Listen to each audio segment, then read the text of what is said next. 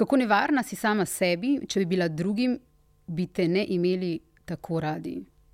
Dober dan, gledalci in gledalke, poslušalci in poslušalke ena podcasta. Spet smo z vami. Um, dolgo smo bile že dogovorjene za ta pogovor, Esat, a zdaj si le tukaj in meni se zdi, ko sem se pripravljala prejšnje dni na ta pogovor, uh, kot da so v bistvu v tvojih knjigah, pesmih uh, in intervjujih bila odgovorjena že vsa moja vprašanja. Um, Esad Babačič, dobrodošel tudi ti v enem podkastu. Hvala, da ste me povabili. Hvala. En ena podcast, Suzano Lovec. Tisto na začetku so bile seveda tvoje besede, tvoja pesem, uh, ampak če greva na te, na uh, vsakodnevno tvojo govorico, kako se izražaš, Vesna Milek mi je snedla z jezika v svojem intervjuju ali pa mogoče iz mojih misli, kako bi te opisala. V sobotni prilogi je namreč napisala: Njegov način govora je čudež, melanholičen kot njegova poezija. Pričara sive ulice mesta, dež in zvok bendov tistega časa. Uh, Jaz bi sam dodala, da tudi ko ti nekaj napišeš tako random, recimo kot je SMS ali pa konec nekega maila, se sliši tako, kot da je poezija, tako kot en hajkuje vsakič. Um, tako posebno izveni. Pa si mislim, da to ni namirno, ni to nekaj, kar pofejkaš, ne? to je verjetno nek, tako biješ ti, ne? tako, tako utripaš. Zelo lepo uh, si povedala to. Uh, uh, dejansko imam tako rad ta jezik, da, da se skozi igram z njim. Ne, v bistvu. In ni fake, jasno, da ni fake, ne morem drugače. Ne, in cela moja zgodba je takšna, da lahko rečem, ne morem drugače. Preprosto, tudi če bi hotel pisati drugače, ne bi mogel drugače. -hmm. To bi recimo najbolj razumel recimo profesor Kmecel, ko sem šel k njemu na izpitne, ki je ugotovil, da imam zelo velike luknje v osnovnem znanju, in so se oba sladko smejala temu, ker je to popolnoma res. Torej, skozi improvizacijo, ne, mhm. skozi v bistvu uh, iskanje, iskanje nekega jezika, ki ga v bistvu niti ne znaš uporabljati tako, kot bi se moral uporabljati, in potem iščeš nekakšne stran poti, ne, iščeš svoje zavoje, svoje kanale, uh, svoje struge, in, in potem grejo besede čisto drugače, kot bi uh, sicer šle, mogoče, če bi vzorno poslušal v šoli in se vzorno učil in študiral, uh, tako kot se študira, in tako naprej. In potem mogoče ne bi bilo takih podredi, takšnih uh, zdrsov jezikovnih, uh, ki jih potem včasih pa uporabim uh, v neko lego, postavim, ki je ta lega, ki meni odgovarja. Mhm. Nisem intelektualec, nisem salonski pesnik, praviš. A, torej, če te prav razumem, na ta način pišeš in govoriš prav zato, ker nisi, kot praviš, intelektualec. Uh, kje si se torej naučil pisati, oziroma te naučil punk? Ma, mislim, to je dejansko totalen paradoks. Seveda sem intelektualec, mm -hmm. ne, mhm. ampak eh, jaz tukaj vedno se spomnim na Braneta, ki je pisal o Unionu, ki je sedel v kavarni Union in je pisal o tem, kako za mizah sedijo prazni intelektualci. Eh, hočejo biti oni, pa ne morejo biti. Govorimo o Branetu Bitencu, da bodo ja, uh, ja. poslušalci in poslušalke vedeli.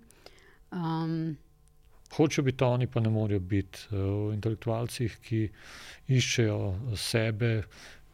To smo pa potem vsi. Ne, mm. Iščemo, ampak se ne najdemo. Ne. In v bistvu to iskanje uh, je nenehno prisotno v pisanju. In zato je pisanje pravzaprav dejansko edina možna, uh, permanentna terapija, bi tako mm. rekel. Ne. Ker dejansko, dokler greš, dokler uporabljaš besede na ta način, uh, se zdraviš. Mhm. Za tiste, ki ne poznajo tvoje zgodovine, ti jo sicer pogosto in rad poveš, eh, tudi na Pankturi, kjer s kolecom vodiš ljudi po Ljubljani, eh, jo razložiš. Eh, v osnovni šoli nisi bil uspešen, doma niste imeli knjig, nihče ti ni mogel brati pravljic, in še mladoleten si postal delavec, delal si v žitovi pekarni skupaj z očetom. 16 let si bil star, ko si šel delati tja, v bistvu v te razbeljene prostore, kjer se je peklo kruh. In potem je prišel punk in naredil kaj?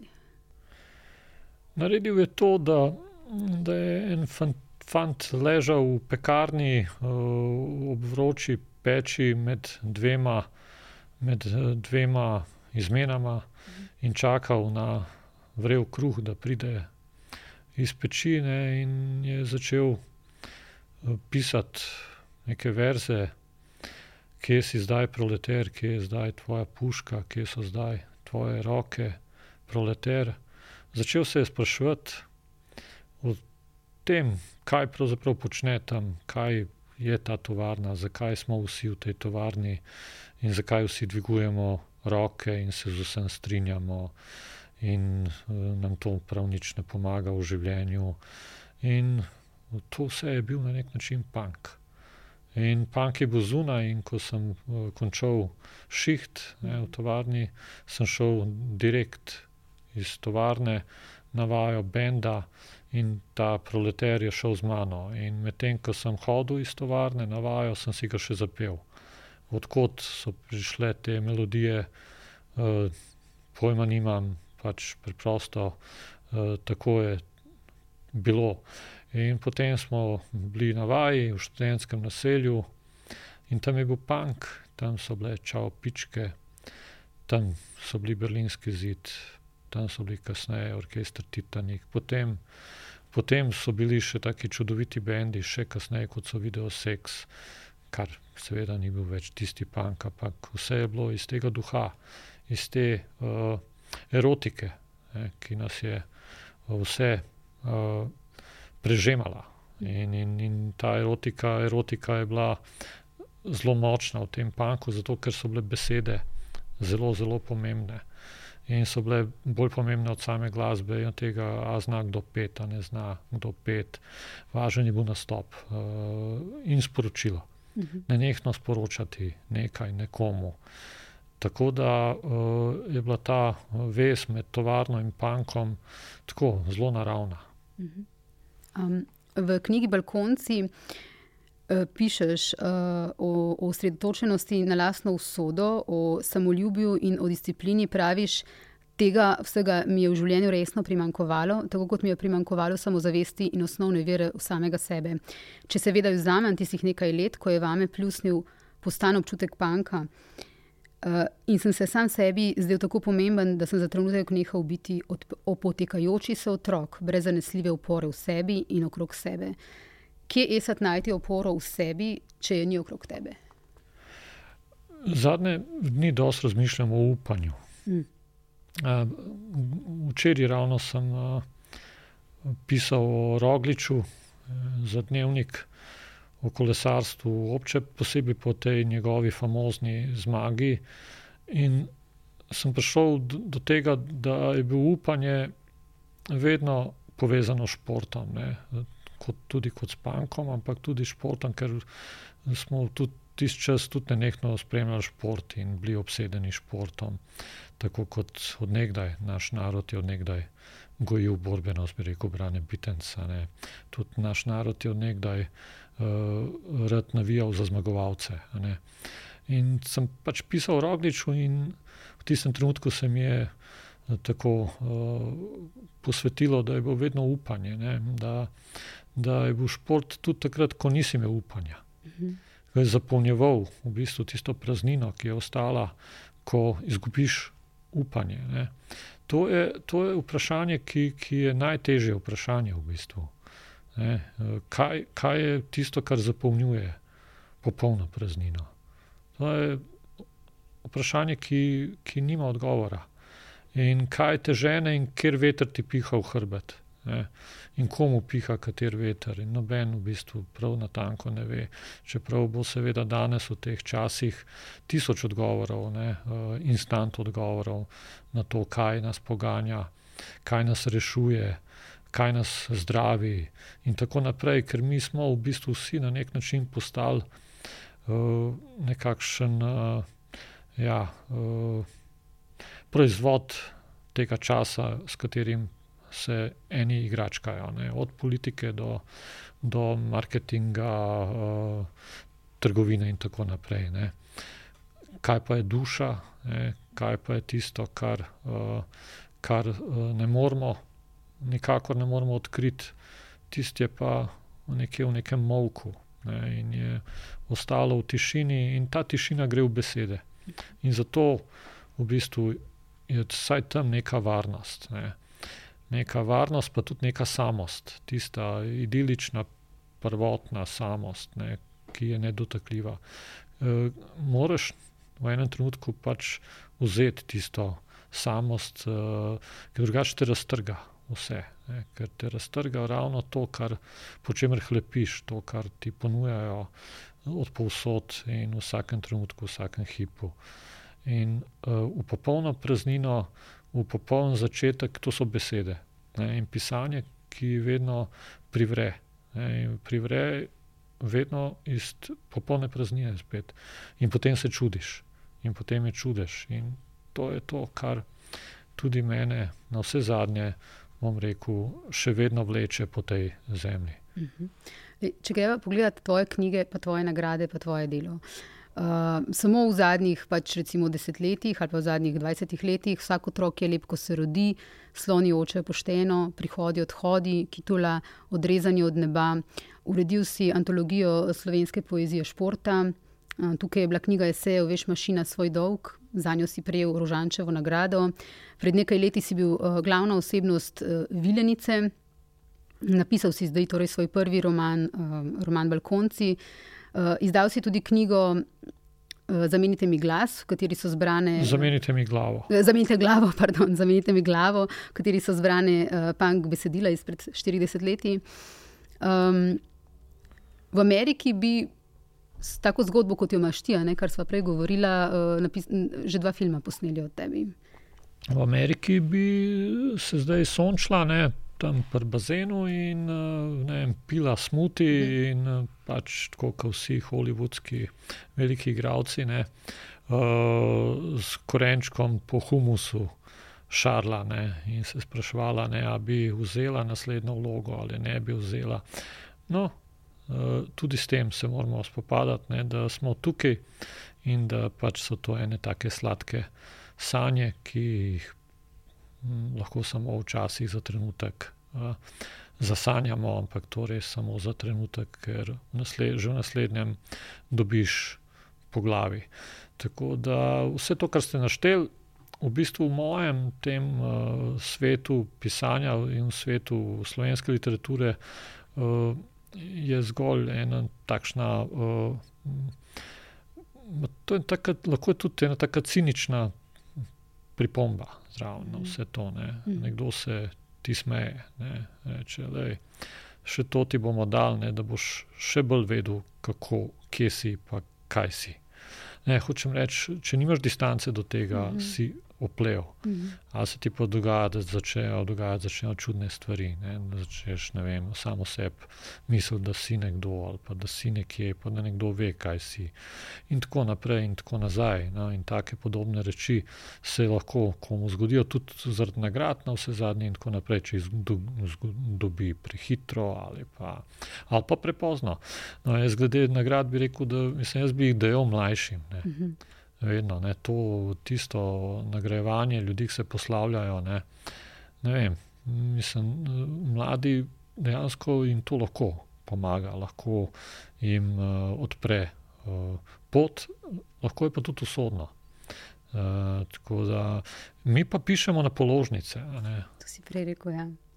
Mi, svobodnjaki, se pravi, pisatelji, ki smo freelanceri, praktično, včasih jaz dejansko ene zadeve napišem na kuverte, uh, položnic in potem jih ali pretipkam, ali pa tudi ne, ker sem jih tako gnus, to, kar vidim.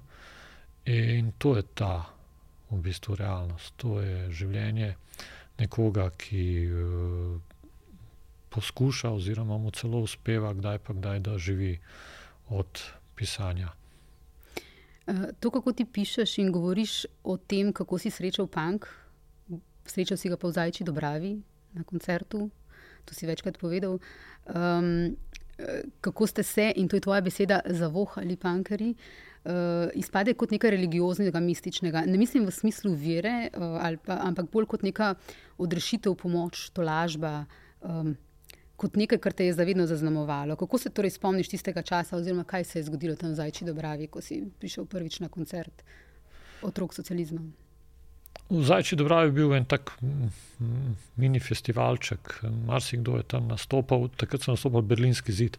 Aha, berlinski. Zato to zamenjamo, ker je Brane Bitenc najprej pel oziroma recitiral, kričal v Berlinskem zidu, ne, ki je bila fantastična skupina. In ti si njega zagledal. Jaz sem njega že zagledal že prej, že v publiki, se smo skozi bili eni in isti. In to ni bilo veliko ljudi. Ali smo bili na odru, ali smo bili pa pod odrom. In potem smo se izmenjevali. Ne. Enkrat je bil tvoj prijatelj na odru, drugič si bil ti na odru, pa je bil prijatelj pod odrom. In tako je to šlo. Ne. Dejansko pa sem leta 80 preselil na Vodmat. V tistem času na Vodmatu, edini vili tam med tistimi silnimi bloki, ne, je vadil Berlinski zid. Ne. Že to je bila šokantna zadeva za me. Ko sem slišal, odprta okna so bila, jaz sem se sprehajal tam in sem zaslišal. Uh, veste, da ste sami krivi, pa vse me zabavate, ali ste hoteli le priznanje, ali ste hoteli maščevanje. Uh, verzi Mihe Štancarja, fantastični verzi, ki so brezčasni in še danes se mirno lahko vprašamo. Isto, ne? sem to slišal, sem jaz takoj hotel uklet. In, in se jaz sem tudi prišel, in potem sem tam bil, in so me sprejeli, in sem to poslušal, in svet se je obrnil popolnoma za me. V tistem času je bil recimo v kliničnem centru, ki je tudi na vodma, tu je ležal Tito. Uh -huh. In v tistem času je že bil brez noge. In potem jaz sem doma v istem trenutku že pisal pesem uh, Ne stopaj, ki govori o uh, vojnih invalidih, uh, ljubkovalno smo jim rekli, mehke cure na vodmatu, ki so tudi imeli sedež ravno tam na vodmatu, čez cesto od vile, v kateri je vadil Berlinski zid. Te iste mehke cure, vojni invalidi, neke vojne. Zadnjič smo imeli turnir na tem igrišču Vodnarskem. Uh, moj prijatelj Popek vprašal, ali to so bili iz španske državljanske vojne, invalidi. Se rekel, ja, verjetno tudi iz Une, pa so bili iz uh, še ene, pa so se pa pridružili kasneje, pa še iz najnovejše. Mm -hmm. Skratka, te isti vojni invalidi so nam hoteli vzeti igrišče. Mm -hmm. Že dosti prej se je to dogajalo, ne? in mi, mi, ki smo takrat še dihali kot eno na vodno, to je bila krajovna skupnost. In je, je bil ta duh, uh, lokal, jaz bi temu rekel, pravi lokal patriotizem. Seveda nismo dovolili, da nam vzamejo igrišče, in jaz sem napisal pesem. In v njej pravim, lahko plešeš, samo ne stopaj po moji levi nogi, vsi smo isti, vi brez noge in mi z nogo brez denarja. Ne vem, zakaj je to na koncu, mi z nogo brez denarja, ampak brez noge sem absolutno to namenil tistim vojnim invalidom, pa Tito je bil že brez noge. In punk se je dogajal sporedno s tem, ko je tiran v bistvu tisti, zaradi katerega smo se mi na vse zadnje dvignili. Sej punk bi se zgodil tudi brez tega se je vendarle prišel iz Anglije, prišel je no, iz Amerike, Anglije in prišel je kot glasbena zvrst. Ampak ja, ideološko na nek način mi smo se dvignili proti temu. Bil je upor. In ta, ki je bil tisti, ne, ki smo ga in ljubili in sovražili v enem, je ležal nekaj uh, sto metrov stran. In vse to se je dogajalo tistih mesecih uh, leta 80 in, in to je, ne vem, uh, kup nekih na ključi, ki to niso. Mhm. In punk je, kot tudi pravi naslov, punk je bil prej, ne? je bil prej, ko so bili nekateri osamosvojitelji, kasnejši uporniki še v Zvezi komunistov.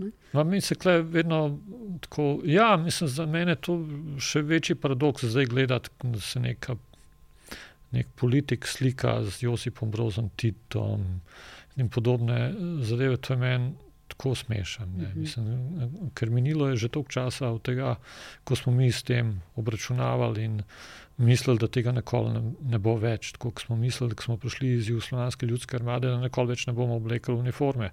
In nekateri smo bili tako naivni, da smo mislili, da bo demilitarizacija, da, ne bo, da ne bo več tega. Ne. Dovolj je bilo leto, pa pol sem nosil tisto, tisto uniformo, ampak ne, pa prideš nazaj, vidiš, da bo vse še vedno enako in še bolj in še huje. Ne. In tudi jaz hočem biti vojak. In ja, uh, mi smo šli s tem rock and rollom, ne, ko si prej omenila, kot neka religija. Ne. Mislim, za nas, če je bilo kaj religiozno, odnegdaj je bil rock and roll, mm -hmm. z vsem, kar prinaša zraven, in vedno je šlo tako. Uh, Bowie, uh, Velvet Underground, uh, Bauhaus, Joy Division, Six and the Banishes, karkoli kar je bilo, uh, kar je izhajalo iz dobrega rock and rolla, uh, je bilo sveto, je bilo tisto, kar nas je nosil. Uh, tako da ni bil samo punk, seveda. Ne. In do tistega trenutka, ko smo v Faveju na tisti televiziji, ki se pojavlja tudi v filmu Outsider, neko gleda uh, pokojni, žal, Davor, v tisto televizijo in vidi Sidja Višjusa, ko v Evropi uh, zapoje My Way. Ne. Do tistega trenutka, ko se na tej isti televiziji, ki je bila primarno v tem faveju, v tem, tej kleti, zanikrni, ki je bilo pravzaprav kar neko svetišče, nekaj mhm. časa, panka, uh, uh, se pojavil v bistvu Michael Jackson, Billie Jean. Prvi temnopolti, sploh izvajalec na MTV-ju, ki se je vrtel in takrat pogledamo, da no, to je umetnost, ne, ki presega vse to. In to je tisti ritem, ki gre od diska do panka in ki smo ga vedno nosili vse, do zdravka čoliča, no vse zadnje, kasneje v Palmi, zjutraj, ko ni bilo več. Ker nisi vedel več, kaj bi, ker je bilo že ura šter, ne vem, koliko jim pa je bilo, pusti, pusti modu. In si še tisoč skakal in si rekel, v redu, svoje sem naredil. Film Outsider, ki si ga omenil, in Davor Janič, že upokojeni, um, ta vloga, ki jo on igra. Ne, um, to si bil nekako ti, v bistvu to vlogo, ki jo gledamo, je podoben lik kot, ali pa zgodba, se, ne, tako kot je bila tvoja. In ti v tem filmu igraš uh, tega policista, ne, uh, ki se sprašuje. Šta je, šta je to, šta je to, a, o. Ja, to, je, to je to življenje, polno paradoksov, ne da bi jih jaz uh, želel, hotel, ampak so se kar dogajali in ta je bil eden od njih. Ne. Igraš pravzaprav bosanca v uniformi, JLA, kar ti seveda popolnoma leži, ne. znašaš se pa nad pankrokarjem, ga zaslišuješ, uh, se z njim kregaš, uh, poješ se v dolinke, ki si jih poslušal doma kot otrok. Uh, Ker pač je oče poslušal vse dolinke in vse tiste plošče, male, uh, s Safetom Isovičem, uh, Eh, in ostalimi pevci, takratnimi. Ne. In poješ, in te prekine, da Orjanič, ki je v bistvu ti. Ne, mm. Na nek način, seveda, ampak to, Andrej je to krasno, uh, krasno sestavil in dodal še v bistvu vojsko zraven. V Panku je bilo ogromno, uh, mislim, ogromno, kar nekaj. Otrok, oficirskih Oficirjev. otrok. Ne. Teh je bilo kar veliko, no, vse zadnje tudi Milan Mladenovič, ne, ki smo ga tokrat imeli, vsi neizmerno oboževali, eh, je bil oficirski otrok. Mm.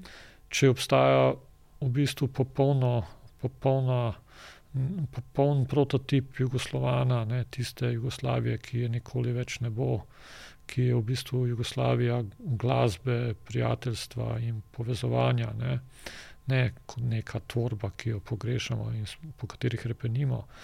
Milan Dejanovič je bil v bistvu to, uh, deček iz vode, oficirski otrok, ki je živel v Beogradu, urban, urban do, do konca urbanosti, ki je poleti pa na Biokovu gledal v Jadransko morje, ker je bil uh, po drugi strani Hrvat in je bil v bistvu iz Makarske, ne, v bistvu imel sorodnike v Makarski.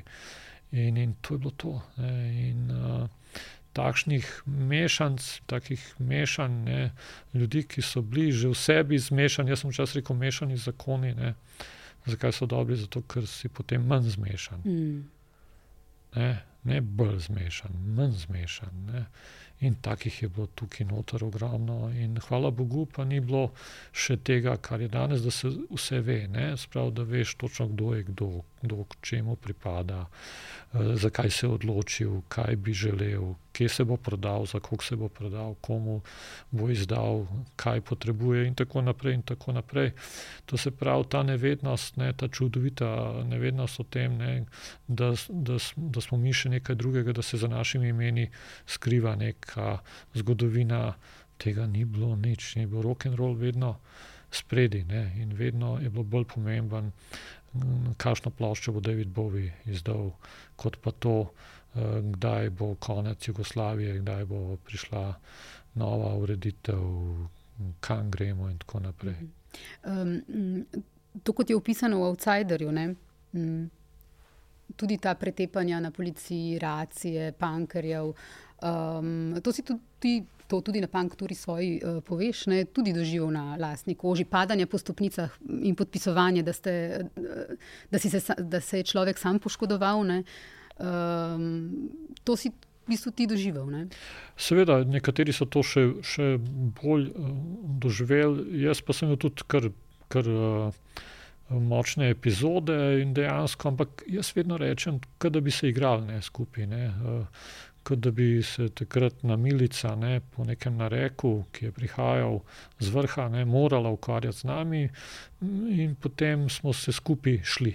-hmm. Jaz tako temu rečem. Čeprav ni bilo pa nedolžno, ja, v smislu tega, da je bilo dosti mladoletnikov, ki so utrpeli uh, nasilje uh, in dejansko bili pretepani na na teh, teh postajah, tudi na železniški postaji. Tam so bili recimo miličniki, ki so bili prav poslani kot problematični, recimo ne, tisti bolj s čudnimi nekimi nagibi, ne, ki so potem se znašali nad nami. Recimo, Jaz sem v ta zaslišanja že na Prešernovi, recimo, ne, čudovita zaslišanja, v kateri so sodelovali civili, kar je bilo skrajno nenavadno, nekega mulca tam civili zaslišujejo. Ne. To je bilo zaradi pesmi Lili Marlen? Tako, ne, to je bilo zaradi pesmi Lili Marlen, ki sem jo moral potem pred njimi še enkrat napisati, uh mhm. -huh. pa jo razlagati. V pesmi Lili Marlen pa ni bilo seveda ničesar, kar bi lahko na kakršen koli način uh, škodilo ali uh, ogrožalo. Tisto ureditev, državo, kakorkoli že mi, dejansko nismo bili nevarni nikomor. Sama pesem je bila pa, ne bi bila prepovedana. Ne, nas pa to ni zanimalo, če je prepovedana. Nas je zanimalo, da je lepa. Mhm. In ta pesem je lepa. Mhm. In zdaj eh, spet, kako življenje se igra z nami. Ne? In zdaj, po vsem tem času, je bila prevedena v nemščino in je antologija slovenske punk poezije pristala v Nemčiji in je prevedena. V, in v Nemščino, in zdaj imamo Lini Marlen v Nemščini. Uh mhm. -huh. In zdaj se igram s to idejo, da bi jo zapel v Nemščini to, rekel, ampak to je res čist, ko reko moje, neka taka uh, uh, šala. Uh mhm. -huh. Tako rečem, zakaj pa ne? ne? Uh, uh, to, bom pa že, to bom pa že zmogel, ne? upam, da me ne bo zdaj pa ne vem kdo drug zaslišal zaradi česa. Dan, dan danes pa tudi ne veš več. Uh, kaj se sme, kaj se ne sme, kaj vse se sme, pa nič. Uh mhm. -huh. Taki časi so malo uh, nenavadni, ne, glede, glede tega. Prej si, uh, si omenil, je mm, pesem Vije ofenzive, kje si proleter, uh, tvojega benda, torej, kje so proletarci danes? Ja, to je najtežje vprašanje. Ja. A so na teh položnicah, ki jih omenjaš? Na teh položnicah. Te položnice so ta stalnica, ne, umiranje na položnice. Uh -huh. ne. Uh, moj star je vedno rekel, je do prvega, ne uh mhm. -huh. treba plačati. Vedno ta strah. Sprav strah, ne, strah uh, pred tem, da ne boš izpolnil uh, svojih osnovnih nalog, da ne boš, da ne boš priden. Tu mislim, da ene stvari se niso spremenile, ne, samo še tempo je še močnejši. Za te otroke današnje. Ja, ali pa tudi za, za, za malo večje, za malo manjše mhm. otroke. In za, tudi, in za odrasle. Ni, preprosto je samo močnejši tempo ne, mm. tega ritem je eh, pospešil se, ne? tako da proletar se niti vprašati več ne more, kje si zdaj, proletar, ne? ker v bistvu ni časa. V tem je razlika, morda ne, v tistem nekem, nekem koščku svobode, ki vendarle zraven ostane, pa če tudi je to svoboda v tiste pol ure za malico, ali pa na kakšnem izletu firme nekam. Včasih je bilo to tako, zdaj pa verjetno tega mehkega koščka salame ga ne moreš več tako zaužiti. Jaz spomnim ene, ene zgodbe iz vojske. Imeli smo enega nadrejenega, ki se nisva glih najbolj razumela z njim. In jaz sem bil dejansko premlad in vojska je bil strašen stres in jaz sem pač dostikrat tudi njemu kaj zabičal nazaj in skozi sva imela neke besedne obračune in tam je bil tudi Dragan Džapovič, dva metra sedem je bil visok. Za seboj je pustil napis Džapovo shir, ko je odhajal iz vojske, tako hudo mu je bilo, res. Njemu so se roke tresle na koncu, ker je bil starejši. Ker eni so šli pač starejši v vojsko in ni zdržal živčen je bil do konca. Mi mlajši smo pa pač preprosto nekako vzdržali to, ne, lažje v bistvu. No, ta isti Džapovič, ne, ko je to gledal, kako jaz se iz meseca v mesec kregam s tem človekom, rekel, znaš, pusti njega. On ti je, on je človek, sendvič, pivo. Po, pojede sendvič, pivo in to mu je dovoljno v životu. Rekel, da ja, ja, seveda, mislim, nisem takoj razumel, ne, ampak recimo, da zmeri bolj razumem. Ta neka preprostost, preprostost in zato rečem tudi intelektualc, ne intelektualc. Tisti, ki ni intelektualc, nosi vse tako močno modrost lahko. In ta preprostost ne, se je mogoče zgubila tega proletarca. Ne. Sendvič, pivo in pogled nekam vdaljavo, ne, med dvema izmenama, med tem, ko te pokliče šef nazaj. In to je to, mogoče. Ja. Očeta si omenjal, o starših v bistvu ful lepo pišeš. Oziroma, vedno, ko jih omeniš, v bistvu se čuti ta ljubezen do, do njiju.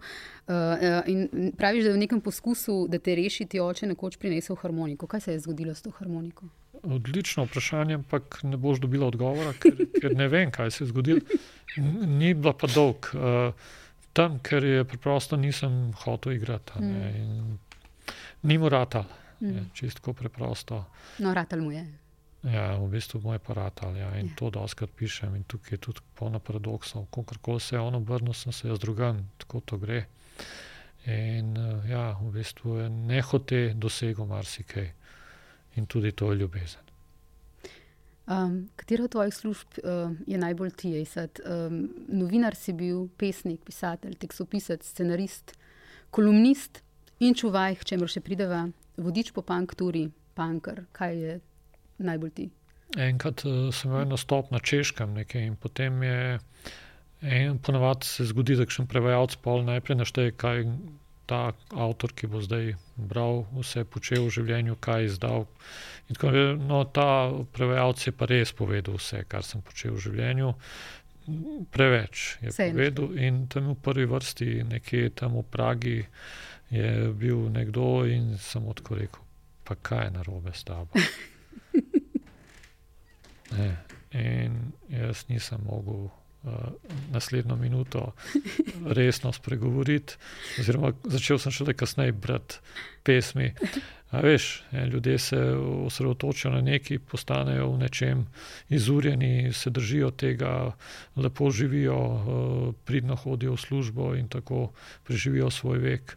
Pri meni je pa tukaj ne moreš najti nobene stalnice. Razen improvizacija. Improvizacija. In obožujem improvizacijo in jo res uporabljam, eh, tudi takrat, ko mogoče ni najbolj pameten. Ampak to sem jaz. In uh, tudi, ko sem poskušal igrati v, v filmih, sem pač improviziral. In dokler je šla improvizacija, je šlo, če pa je vem, režiser zahteval, da sem stoprocentno pripravljen za točno določen tekst in da naredim točno tako, kot on hoče, pa se je ta improvizacija končala. Tok zelo talentiran za igro, pa vendarle nisem, da bi lahko premagal vse te uh, osnovne postulate, ki pač morajo biti uh, na nek način uh, ja, urejeni no, v teh zadevah. Ne, da, in včasih pa ja, improvizacija, vendarle pri poeziji, pa tukaj pa je pa to itek ena sama improvizacija. Uh, enkrat potem, ko so ti ukinili radijsko oddajo Hotel Romantika, ki si jo vodil, si začel delati v Muzeju sodobne umetnosti na Metelkovi. In hkrati pisati knjigo, to knjigo um, Balkonci, uh, ki izgleda kot dnevnik. Jaz sem jo prebrala včeraj šele, ne le, sem si jo pustila čisto kon na, za konec, uh, ko sem se pripravljala, ker sem vedela, da bo. Um, da mi bo hudobnejši, ker govori med drugim uh, govoriš o um, odnosu do Braneta Bitenca in o njegovem samomoru, ki ga je naredil pred uh, nekaj leti. Uh, skratka, nalaž sem odlašala s tem, uh, napisal si tako, da zelo boli, mene je bolel, pa ga nisem poznala. Um, tako da bi mogoče prebrala nekaj iz te knjige. O Bitencu, recimo, praviš, Brane je bil popoln dvom, iz katerega je rasla poezija ali pa bodi vsaj človek, če že ne moreš biti prijatelj, rad ponavlja obrane. Uh, ta samomor te je zelo zaznamoval, vse tako se čuti, v bistvu predeluješ v tej knjigi um, ta odnos. Ne? Ja, seveda. Uh, mene še bolj kot to uh, prizadene, se mi dotakne. V bistvu ta praznina, ki ostane za mm. tem, za temi ljudmi. Če rečemo, vsako leto še vedno je ta številka grozljiva, koliko jih gre mm. samovoljno in ta tišina, ki ostane za njimi. Mm. In v bistvu tudi to hrumenje, ki je pa te tišine ne sliši, oziroma ne more do nje. In ti ljudje odhajajo in, in ne povedo, zakaj odhajajo, ker se jim zgodi tok, in preveč, da v nekem trenutku preprosto naredijo to, kar se ne, ne upaš nihče. In mi ne moramo tja. Mi ne moramo tja. To je samo trenutek, hip in je popolnoma svet in nedotakljiv na nek način. Zato seveda razumem, da, da tudi stroka pravi, ne, da ne smeš ne, govoriti o tem preveč, da preprosto uh, moraš pustiti neke zadeve za sabo, in, ker se lahko ponovi in se ponavlja, in pride na drugega. In tako naprej. Jaz se ne, po, ne strinjam povsem. Ne. ne strinjam se povsem ravno zato, ker uh, kar ubija, ubija tudi točno to, ne, ignoranca. Uh mhm. -huh. Ubija to, da smo tih, uh mhm. -huh. ubija to, da nočemo biti tam. Ker pač uh, so tam tisti ljudje, ki so bili morda prešipki, preslabi, ki niso uspeli, ki niso mogli, in tako naprej. Mi pa tekmujemo, mi gremo pa naprej. In zakaj bi se ukvarjali z njimi? Ne? In zdi se mi, vedno je bilo tako. Ne? Vedno je bil tukaj nek blazen prepad med normalnimi in nenormalnimi, ne? moče prevelika. Ne? To mogoče bi, bi rad ne, tudi v pisanju, da se to malo približa, da se malo zbliža. Ne. Zato brane ostaja v teh besedah še vedno in bo še naprej ostal in še bom pisal, ne, ker bi ga rad ohranil. Seveda, ker je treba tudi o tem pisati. In, in tem... točno na ta način, kako je bilo, zakaj je prišlo do tega. Vse je to on naredil, ampak ni samo on naredil. Mm -hmm. Vsi okoli so tudi prispevali, so dali še nekaj zraven, da je to on naredil. Lahko je to naredil tudi za mnoge druge. In zaradi tega, ne, kaj je bilo, kaj se je dogajalo, zakaj nas ni bilo, zakaj mene ni bilo, zakaj nismo mogli govoriti, zakaj nismo govorili o tem, zakaj nismo pomagali z besedami, z dejanji, seveda težko, ker gre za trenutek in, in te ljudje grejo zmeri bolj nazaj v to prvo sobo, iz katere smo vsi prišli. In v tej prvi sobi se bomo itek na koncu srečali spet. Ampak nek, če bi bila družba v redu postavljena, bi jih na tej poti do dol, nekdo mogel bi nas mogel nekdo ujeti, ne? družba bi nas mogla ujeti, bi ga mogla ujeti. Ja. Ta ignoranca, o kateri ti pišeš, to je naša družba današnjega časa, ne ukvarjamo se z ljudmi, ki. Ampak spet je tukaj paradoks. Družba je popolna optimizma. Uh mhm. -huh. Ona je polna optimizma, ona leti, ona je vesela. Poslušamo skladbe na radio, recimo. Ne. Same vesele skladbe, veseli zvoki, veseli verzi, mi plešemo, mi smo veseli, mi smo nasmejani. Ja, uh, pa ni vedno tako. In uh, uh, v tem smislu ne, uh, je to vendarle tudi ena ignoranca. Ne. Ignoranca je to, da ti preprosto sebe najprej prepričaš, da ni tako, in potem še igraš oziroma glumiš, da je drugače. In ta nenehna, permanentna gluma in nosenje mask ne, privede do tega, da, da nekateri morda veliko prej obupajo, veliko prej padejo. Če bi bilo več iskrenosti. Iskrenosti bi rekel, ampak ne iskrenosti v medijih, v etru, v, znotraj nekih določenih organizacij, ne, kjer je ta iskrenost že upakirana v neki. Ne, ampak iskrenost, ki je v bistvu izmenjava. Izmenjava energije med nami, to je prav tako, kot rock and roll, ki sem prej omenil. Mm. To, to je to, to je na prvo. Ne. Ali se zaljubiš tako, ali se pa ne. ne ni to neka priprava, nek, nek uh, konzerviranje. Ne. To je to, zagledaš in padeš, ne. in ostaneš in greš naprej. Ne. Tako da ne, da te nekdo prepričuje. Tukaj imamo pa zdaj občutek, skozi nas prepričuje. Skozi se prepričevanje kupi v zemlji, to je to, to je dobro. To. Zakaj me prepričuješ? Um, Ti hkrati veliko pišeš, pa tudi govoriš o občutljivosti in ranljivosti. Um, zdi se na tak način, da ko je človek odprt, ko je sposoben čutiti, to veliko da. Oziroma, če si odprt, če si sposoben, sposoben čutiš, uh, čutiti, hkrati tudi lahko trpiš, ali pa pogosto trpiš, si tepen, ljudje to izkoriščajo. Ampak imam občutek, da to vseeno vidiš kot prednost. Ne? Da verjetno niti punk, niti poezija, niti vse, kar pišeš, kar govoriš, brez te občutljivosti in hkrati ranljivosti, ki jo prenaša, ne bi bilo možno. Ne? Ja, ampak veš, mislim, to mene vprašati je zelo, uh, zelo uh, uh, nevarno lahko. Ne? Ker jaz sem ravno tisti, ki moram zelo paziti. Uh -huh. ne, da tako rečem, tudi jaz. Ne? Ker če si tako ranljiv, tako odprt, ne? potem moš tudi imeti neko sposobnost, da se rešiš. Mhm. In to je pa v bistvu uh, nekaj, kar uh, mora vsak imeti sam. In to, to, ni, to ni nekaj, kar lahko vzameš od nekoč, si sposodiš, kupaš. Ne. To je preprosto.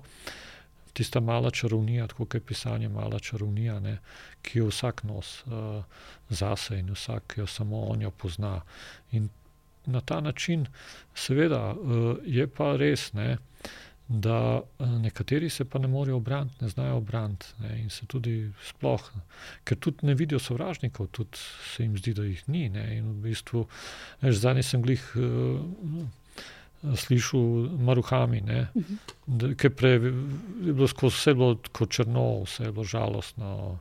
Norwegian Wood in tako naprej, in ljudje so slabi. In tako naprej. In zdaj je on ugotovil, menda, da ljudje niso slabi, da so ljudje dobri. Ne, ker je uh, to uh, tudi nekje, uh, od nekje prišla ta uh, zadeva do njega, ne vem točno, to sem pozabil. Ampak ja, to me je tako presenetilo, ne, ta ugotovitev, da naenkrat ljudje so dobri. Ja, uh, so dobri. Ampak tukaj se vračamo na tisto prej. Ne? A so takrat tam, kar rabiš ti. In ko sem prej omenil upanje in šport, ne? in ta fant, ki je tekel za rogličem in ga je porinil gor, ne? on je edini, ki je tekel gor, veš, navijati tja, ki noben ne navija. Ne? To je velika metafora. Ne? Mislim, navijati tam, ki noben ne navija. Hmm. Ne tam, ki vsi. Ker to je življenje, to je to naše, kar je. Vedno navijamo tam, ki vsi navijajo tam, ki ni nobenega, tam nobene navija. Ta fant je tekel tja in glih takrat, ki je njegov prijatelj ketno zgubil. In sta šla za trenutek skupaj na vzgor in ga je porinil po klancu na vzgor, ne. on njega je na vzgor. Ne. Nekatere pri nas v naši družbi pa raj porinemo na vzdolj. No. Mm. To je bolj pogosto in da gre hitreje. Tako da, ja. Uh, o športu si tudi že kar nekaj govori o svoji povezanosti s športom, uh, o povezanosti panka in športa. Uh, naj to je pri tebi vse v bistvu uh, prepleteno. Uh, pred nekaj dnevi uh, ste imeli, si imel to akcijo, točno na Vodmatu, ne? na tistem igrišču, uh, kjer so se prepletali torej šport, spet in knjige. Uh, vsi se te pa spomnimo še pred leti, pred mnogimi leti, uh, po akciji Verjemi v svoj koš. Uh, kje, kam se je izgubila ta solidarnost iz te akcije, kam se je zgodilo to upanje, ki ga rado omenjaš, recimo, ki je bilo zaznano v tej akciji, kam so šla ta posedanja na igriščih, ta dolg čas, to čakanje, razmišljanje ob tem, ko čakaš na igro, kam je šlo vse to jesati. To je v bistvu stvar neke generacije. Ne, rekel, ne. Zdaj, ko sem naredil pred tednom dni, malce več, ta projekt, ta dogodek, knjige pod koši. Ne, uh -huh. uh, je bilo najbolj ganljivo to, da so prišli moji vodnatski prijatelji tja in so bili ganjeni. Uh -huh. So bili ganjeni, spet gledali vodnat, ne, ker živijo, seveda, drugot, vsi so se preselili že zdavni, so prišli tja in so gledali vodnat in so še enkrat se spomnili. Ne, Koliko časa smo v bistvu sedeli tam, pa koliko smo preigrali skupaj, in tako naprej. In to je bilo za me vse to je bilo dovolj. In tega ni več. Preprosto, ko sem zjutraj prišel, sem najprej metlo vzel roke in sem eno uro pometel igrišče, zato mhm. ker je bilo igrišče popolno, o, popolnoma umazano, polno smeti e, in je bilo jasno, da na njem več e, se ne igra košarka, ker če bi se, tako kot se takrat ne bi bilo na igrišču ničesar ne, ker je bila nenehno na njemu noga, superga in, in se je sprot brisal in, in odganjal vsega, ki ne spada na igrišče in tako naprej. Tako to je bila neka vodnatska kultura, ki je zdaj samo še v knjigi Balkonci. Pa kdaj, pa kdaj, takole, če, če se še ne esat, spomni še take nore ideje, pa zbere na igrišču 25. maja eh, vse mogoče košarkarje iz Ljubljane in uh, potem tam jih pripričuje, da ne napišejo še kakšno pesem med tem, ko mečejo na koši. Nevrjetno, se ne sedem pesmi je bilo, uh mhm. -huh. kar je fantastično, jaz mislim, da na nobene. Uh, na, no, na prvo je napisal moj prijatelj, ki ne igra košarke, pa ima rajš poezijo. Ampak potem so pisali tudi uh, košarkari, tudi mlajši in slovanovc, mlad je prišel pa je napisal pesem, pa je pa v bistvu uh, oči ni vedel, sploh njegov, da je sin napisal pesem. In pa je čakaj, fotor, sin ti je pesem napisal. A res. In sam ni pričakoval niti. Ne. Tako da v Slovanovem drevesu je napisal pesem. No, to je to. Ne. To sem želel, ker v bistvu so ure in ure minile tam na teh klopcah, ker nismo več počeli, razen da smo se pražili in čakali, kdaj bomo igrali. Med tem časom bi lahko pisali pesmi in brali knjige. In če bi vse ta čas bral knjige, bi uh, bil pa zdaj mogoče intelektualec. Ni se spremenil samo vodmat, tudi Ljubljana se je spremenila. Um, v enem intervjuju si rekel, da je to mesto, ki je zdaj izpraznjeno, izpraznjeno je tega občutka, da pripada. Mesto ne pripada več, ni pripadnosti mestu na način, da si zaljubljen van, ampak je mesto bolj kot ne izbira, kot je izbira vse drugo v potrošniški družbi. To ti praviš v Ljubljani. Uh, čemu torej še pripadamo? Pripadamo, tako kot zmeri, pripadamo sami sebi najprej in pripadamo lastnemu iskanju. Včasih je bilo to iskanje tudi povezano z ulicami, vogali, nekimi kraji v mestu, ki smo jih napolnjevali z vlastnimi vprašanji, z vlastno, ja, z vlastno dušo, z vlastno izkušnjo. In potem smo se srečevali na teh krajih in si točno vedel, kdo bo tam vedno, ko si prišel tja, si vedel, da točno te ljudje bo tam, pa ni bilo niti treba se prej načment, pa si v bistvu sam prišel, se usedel in je bilo. Mhm. In uh, zdaj se je pa vse to preselilo nekam drugam, vemo kam. In to iskanje pač zdaj blodi po nekem uh, vesolnem medmrežju. Na telefonu. Je, tako in tam blodi. In, In mi se včasih najdemo in se nam zdi, da smo se našli, pa seveda ni temu tako. Ljubljana je pa uh, servis za, za turiste, ki na poti v Milano za trenutek še postanejo v našem čudovitem mestu.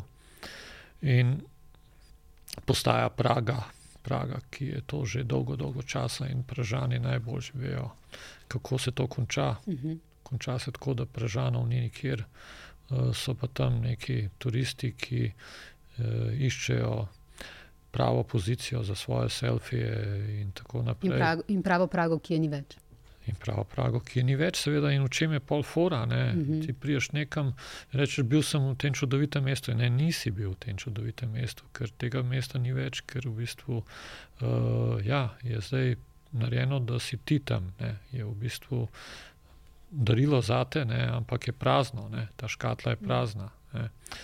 In v tem smislu, no, doskrat povem, no, zadnjič se mi je zadev tudi, da je to malo že kiglišču podoben, tole, kar je Ljubljana, mm. predvsem Čopova ulica, na katero se vse skoncentriram. Tu imaš to, to dvojnost, ne, Nazorjeva ulica, najbolj hladna ulica na svetu, jaz si pravim. Najkrajša, najbolj hladna. Ja. prazna, kot, kot da je nihče noče, kot da je nihče ne mara, kot da je, kot da je zavržena, odvržena, ne, je pa samo na drugi strani te čovje, na kateri je pa vse. In to je kiglišče, strelišče, in tam moš paziti, da te ne podrejo razno razna prevozna sredstva, ker vsi divjajo nekam in vsi so vse precej nezadovoljni videti. Govorimo o nekih domačinih, ki ne bi to bili, ne vem, a, a so. In v te gneči, polni turistov, ki tudi hočejo samo tam in nekje druge, nekje druge si kot kegel, ne, ki mhm. samo čaka, da ga bo še skiro ali še vespa iz kakšnega japonskega horror filma podrla, uh, vespa namenjena v McDonald's. Ki ne, ne služi ničemu drugemu kot temu, da uh, prodaja svoje, tam, te svoje znamenite proizvode, po drugi strani pa nima to nobene veze z Ljubljano, z Ljubljančani.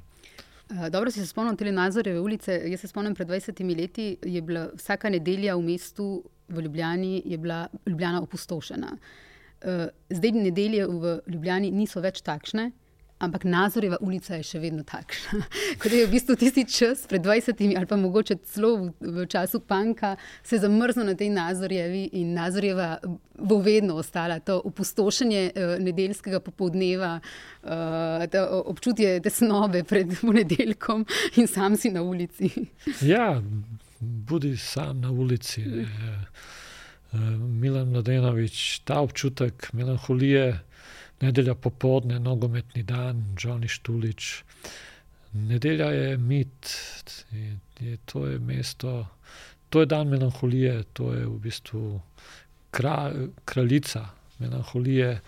Ampak take ulice, kar še. Ja? Tudi Miklošičeva, na vse zadnje, Aha. to je pa ulica, to je pa kraljica krepenenja. Ne. Nekaj greš, tja dol proti, veš, vendar je tam železniška ne. in ta železniška je upanje, ne. vendar je mogoče pa nekaj, ne končno se boš usedel na on vlak in te navveč nazaj. Tvoj, aha, tvoj proti... pogled na Miklošičevo je v bistvu iz mesta proti železnici. To je moj pogled.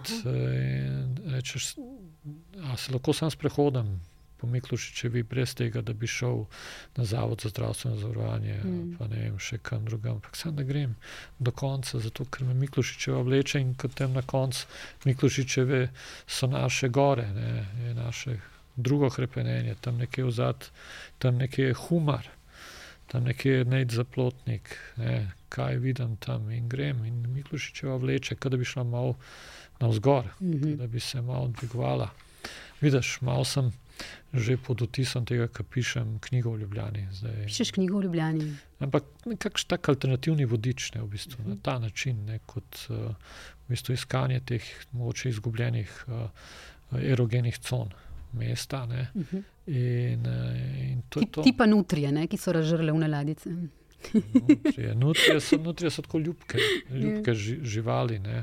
Ja, vse one so na nek način tudi te naše prijateljice, ki so vedno tam uh, ko prideš, ne, vedno bodo tam. Ne, rečeš, evo, saj nutrije so tam. Ja, ja, in kot je, mislim, da Miloš Kosec upozoril v enem članku za NN, uh, ki nekako upravljajo to nadzorno družbeno funkcijo v Ljubljani, ki je umankala.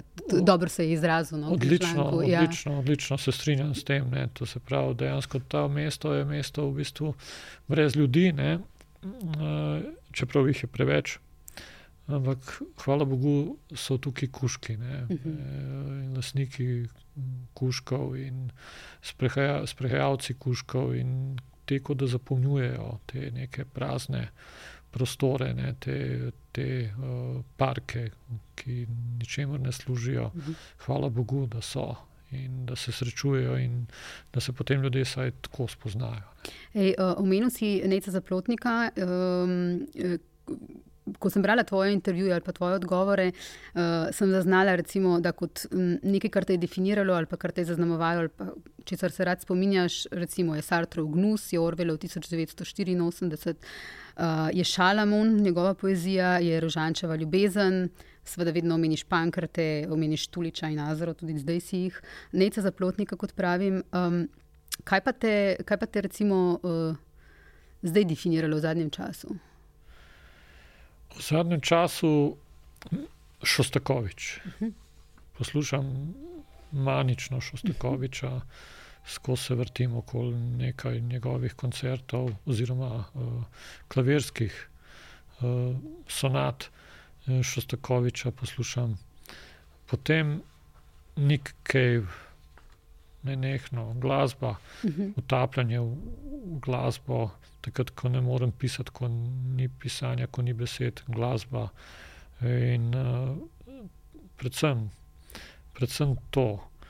In uh, knjige, ki jih odprem, pa jih ne dokončam, oziroma ki začnem brati pa jih zaprem nazaj, pa rečem, da jih bojo prišle na vrsto, kdaj drugič. Zadnji roman, ki sem ga prebral do konca, uh, ki mi je zelo ustal v spominu, je roman Druga preteklost Vinka Medendorferja. To je že nekaj let nazaj, ampak ga vedno znova omenjam, ker je dokaz temu, da v bistvu ne vidimo tisto, kar bi morali videti. Ne. To je res fantastičen roman, ki je popolnoma ušel uh, širšemu bralstvu, se mi zdi, ampak uh mhm. -huh. meni je pa legel močno uh, nekam. In uh, vedno znova vzamem kocbeka, to rešijo, to je, to je moj talisman. Uh -huh. Kadar ko, ni nič drugega, odprem kjerkoli, ne, to rešijo, kocbek, kako piše, kako doživlja svet, kako vidi, kako gleda, kako opazuje, kako komentira ljudi.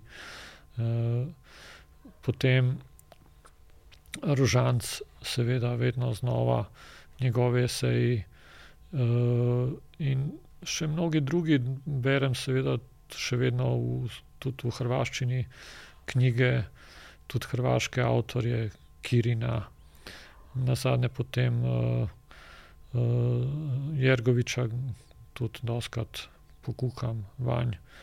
Uh, seveda, Semezdin Mehmedinovič, en čudovit pisatelj. Sarajevski, ki je mm, živel dolgo v Ameriki. To je v bistvu pisatelj, ki mi je morda celo najbližje, sploh v zadnjem obdobju, uh, po sentimentu, po načinu pisanja, po načinu, kako doživlja svet, kako ga slika. Dejansko, kot da bi ga slikal. Mm -hmm. In tudi za res njegov sin postane fotograf in potem se združijo fotografije sinove z njegovimi besedami. To se mi zdi nadgradnja neke, neke pisateljske zgodbe. Uh, in uh, veliko jih je, no, takih uh, tudi pesnikov, pesnic, veliko pesnic, zadnje čase, Ana Pepelnik, čudovita pesnica. Uh, kako bere, ne samo kako piše, bere v Berlinu, poslušam jo in sem navdušen nad ritmom, nad načinom, kako izvaja. In sploh uh, takšnih pesnic je pri nas ogromno. To je kot da bi bilo pes, mesto pesnic, Ljubljana ne? in to odličnih pesnic. In to se nič ne vidi nikjer in to moraš poiskati, moraš iti v knjižnico, moraš iti v knjigarno, moraš kupiti, moraš odnesti domov, odpreti. In začeti brati in se čuditi kako je to dobro. Tako da to so te zadeve. Um, v antologiji slovenske poezije športa uh, je tudi pesem Roka Petroviča Utrujen. Kako je prišlo do tega, uh, da si jo lahko umestil v knjigo, si se lahko s kom dogovoriti, kako si v bistvu prišel do te pesmi uh, in na kak način si izbiral pesmi za knjigo? Antologija slovenske poezije športa se je v meni dolg časa nabirala Začela se je pa s srečanjem z Markom Pavčkom, srečanjem z njegovo pesmijo, seveda ne srečanjem z njim, ker ga žal nisem niti mogel srečati. Kako uh, sta cel dan igrala na mizni tenis, in potem je začelo deževati, in potem sta se skrila pod, pod mizo. mizo, in ona je rekla, kako rada igram pod mizni tenis. Mogoče ni čistko, kot je Marko napisal. Uh, igrala sva ping-pong, začelo je deževati in zlezla sva pod mizo, deževalo je cel dopoldan, vse čas sva bila tam spodaj, tako rada imam podmizni tenis, si rekla. Mm, Bravo. Če to ni ljubezen, potem ni nič drugega na tem svetu ljubezen. In ko sem to pesem prebral in sem potem nosil, in jo še vedno nosim v sebi. In nekega dne sem potem še srečal pesmi Vito Mila Zupa na oboksu. In tudi to me je popolnoma n, prevzelo, in potem se je nabiralo, nabiralo, nabiralo, in potem eh, Rok Petrovič in vedno ta uh, želja vedeti več o njem, kdo je bil ta fant, zakaj je tako gledal, ko je bil na štartni črti, ko je zrl na progo, zakaj je ta pogled bil čist drugačen od vseh ostalih in zakaj eh, se ni smejal, takrat, ko so se vsi smejali, zakaj je preprosto bežal tam, kjer so vsi hoteli biti. Verjetno je navijal naprej. tam, kot ti praviš, tam, kjer drugi ne navijajo. Ne? Ja, ne, in v bistvu je iskal nekaj povsem drugega.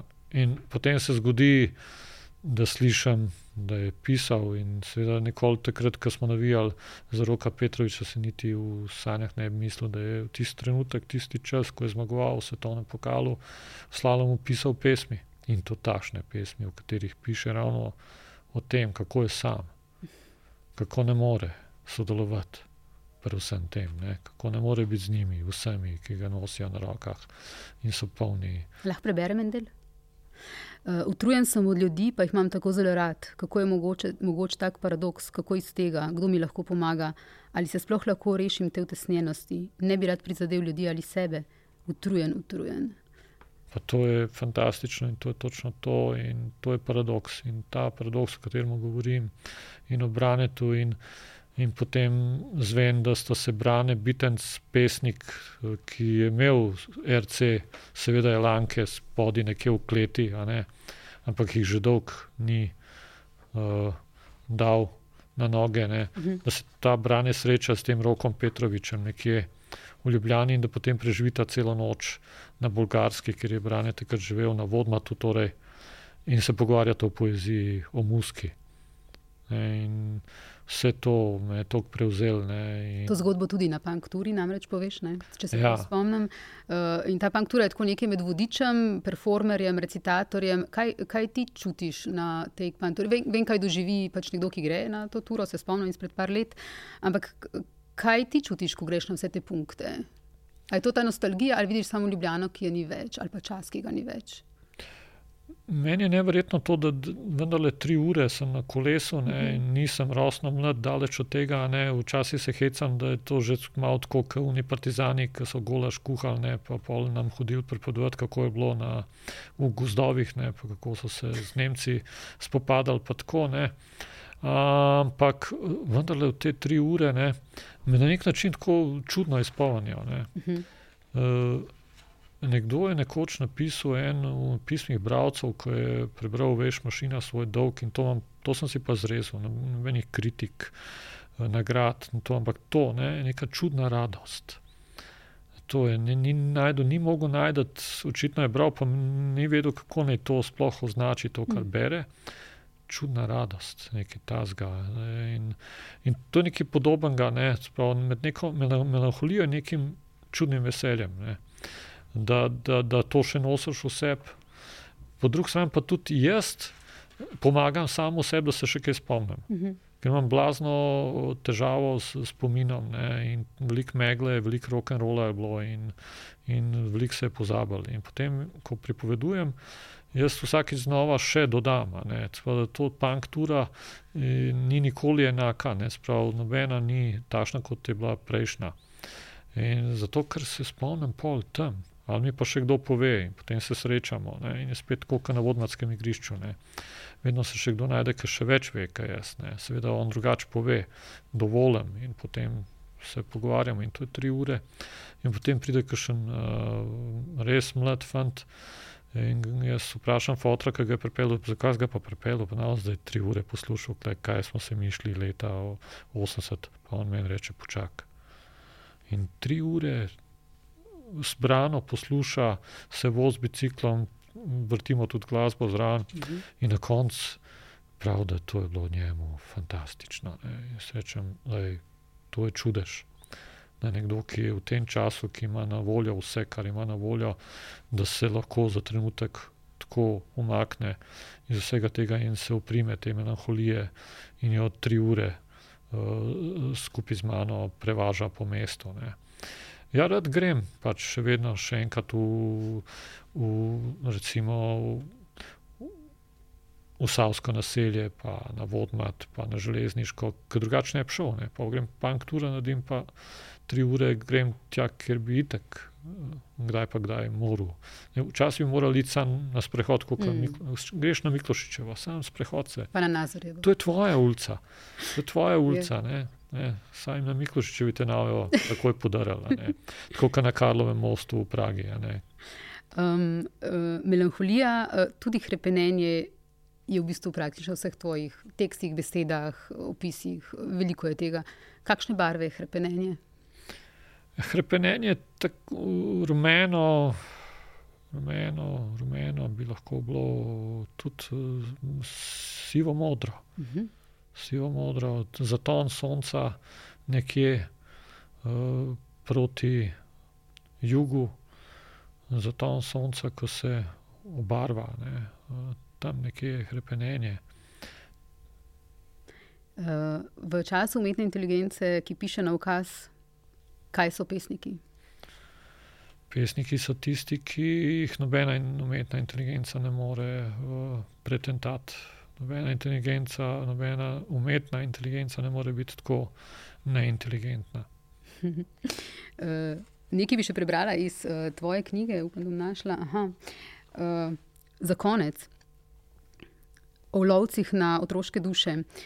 Lovci na otroške duše so nenehno na preži in ko zavohajo otroka, zaprtega v telesu odraslega, nimajo usmiljenja ljudje ne marajo iskrenosti, ne, sad, ljudje ne marajo v resnici um, tega, da, si, da je nekdo še vedno otrok, da ohrani neke te iskre, da ohrani spomin, uh, melankolijo, da, da člo, otroka v sebi ohranja v odrasli dobi.